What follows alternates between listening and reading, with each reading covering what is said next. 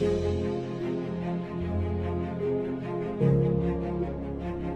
မတို့ရေကျမတို့အမျိုးသမီးတွေဟာအမျိုးသမီးဖြစ်တာတစ်ခုတည်းနဲ့တည်းအဖက်ဖက်အရာရာမှာခွဲခြားဆက်ဆံမှုတွေအနည်းနဲ့အများကြုံတွေ့ရတယ်။ဘယ်အမျိုးသမီးမှမလွတ်မြောက်ဘူး။တနည်းမဟုတ်တနည်းတကွေးမဟုတ်တကွေးမှာချိုးနှိမ်တာစော်ကားပြက်ရယ်ပြုခံရတာအနိုင်ကျင့်အနိုင်ယူအပြုမှုတွေကို ကြုံကိုကြုံရပါတယ်။ဒါကမြန်မာနိုင်ငံမှာလည်းမဟုတ်ပါဘူး။တစ်ကမ္ဘာလုံးမှာဆိုလေအမျိုးသမီး9ယောက်မှာတဦးဟာလိမ်မိုင်းဆိုင်ရာစော်ကားနှောက်ယှက်မှုကြုံနေရပါတယ်ရှင်။ကျမတို့အမျိုးသမီးတွေဟာ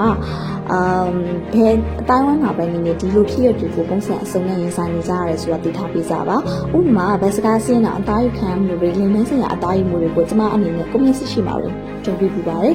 အများစုတော့အမျိုးသမီးတွေဟာရှက်တမ်းမှုကြောင့်မြင်ခံပြီးပါ response မလုပ်နိုင်နေကြပါဘူးဥပမာတစ်ခုအနေနဲ့ပြောရရင်အမျိုးသမီးတစ်ဦးအနေနဲ့ break လောက်ခံရအောင်ဖြစ်မှာပေါ့အနေထိုင်မှမတက်တာဖြစ်တာတော့နေသေးအဲ့လိုအနံ့စစ်ခံရတဲ့အမျိုးသမီးတစ်ဦးတည်းကိုပြစ်တင်ပြောဆိုမှုတွေပတ်ဝန်းကျင်မှာမြင်ရပြရကြပြီးတယ်အရွယ်ရောက်တဲ့အနာပြကြပြီဆိုရင်လည်းအမျိုးသမီးဖြစ်တာနဲ့တင်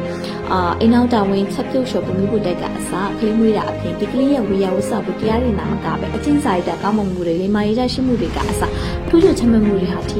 မိခင်မှာပဲတာဝန်ရှိတယ်လို့လို့အာပတ်ဝန်းကျင်မှာကြုံတွေ့ခဲ့ရပါတယ်ဒါဟာအမျိုးသမီးဖြစ်တာတစ်ခုတည်းနဲ့တင်လူအခွင့်အရေးချိုးဖောက်ခံရမှုပဲဖြစ်ပါတယ်တချို့တော့နေ့တတူကအလုပ်လေးတွေမှာပါဒီလို gender discrimination လိမ့်မိုင်းဆိုင်ရာခွဲခြားဆက်ဆံမှုတွေဟာကြုံတွေ့နေရတာပဲဖြစ်တယ်ဥပမာအမျိုးသားအဝင်းနဲ့အမျိုးသမီးအဝေရုံတော့လျှော်ရင်အမျိုးသားဖြစ်သူကဖုံးပြန်နေတယ်ဆိုတဲ့အယူဆအပေးခေါ်တွေဟာဒီဘက်ခေတ်ထိကိုတင်ရှိနေတော့ပဲဖြစ်ပါတယ်တချို့တော့အယူဆတွေကအယူတီးတဲ့အရှိဥဆန်တဲ့ယူရတွေပါဖြစ်ပါတယ်။မျိုးမျိုးဖြစ်နေလို့ကိုရင်ကြီးအောင်တော့နည်းရဲဘုံမကိုးကြရမဖုံးမြရမဝင်ရမလုပ်ရ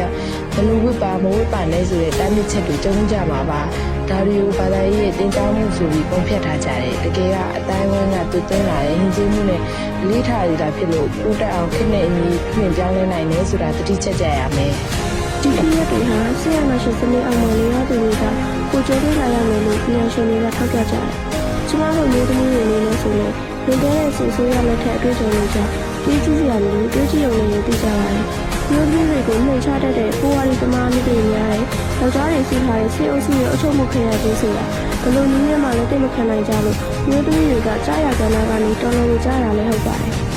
International Women Day အတွက်ကျမတို့ရဲ့သတင်းစကားကတော့ကျမတို့ရဲ့မျိုးဆက်ကလေးတွေမှာဒီလိုခွဲခြားနှိမ်ချတတ်တဲ့အလေးထားအတွေးခေါ်အယူသီးမှုတွေရမကင်းဝေးပြီးလူသားတစ်ယောက်အနေနဲ့အမျိုးသမီးတစ်ယောက်အနေနဲ့တန်းတူအခွင့်အရေးတွေရရှိမှုဆိုရင်ကျမတို့အားလုံးမှာတာဝန်ရှိတယ်ဆိုတဲ့ချက်ပါပဲတော်လန်ရေးလို့ပြောရင်စစ်အုပ်စုတွေမကဘူးစစ်အုပ်စုကသူ့သင်းထားတဲ့ဖိုဝါဒီလိုပါပြတ်သုံးအောင်တန့်ကျင်ကြရမယ် ဖက်ဒရယ်ဒီမိုကရေစီလူသားတိုင်းကိုလေးစားတန်ဖိုးထားတတ်တဲ့အတွေးအမြင်တွေနဲ့အစားထိုးလို့နိုင်ငံတော်တစ်ကိုကိုယ်တိုင်ကစခုချိန်ကစခြေတက်ကြရမယ်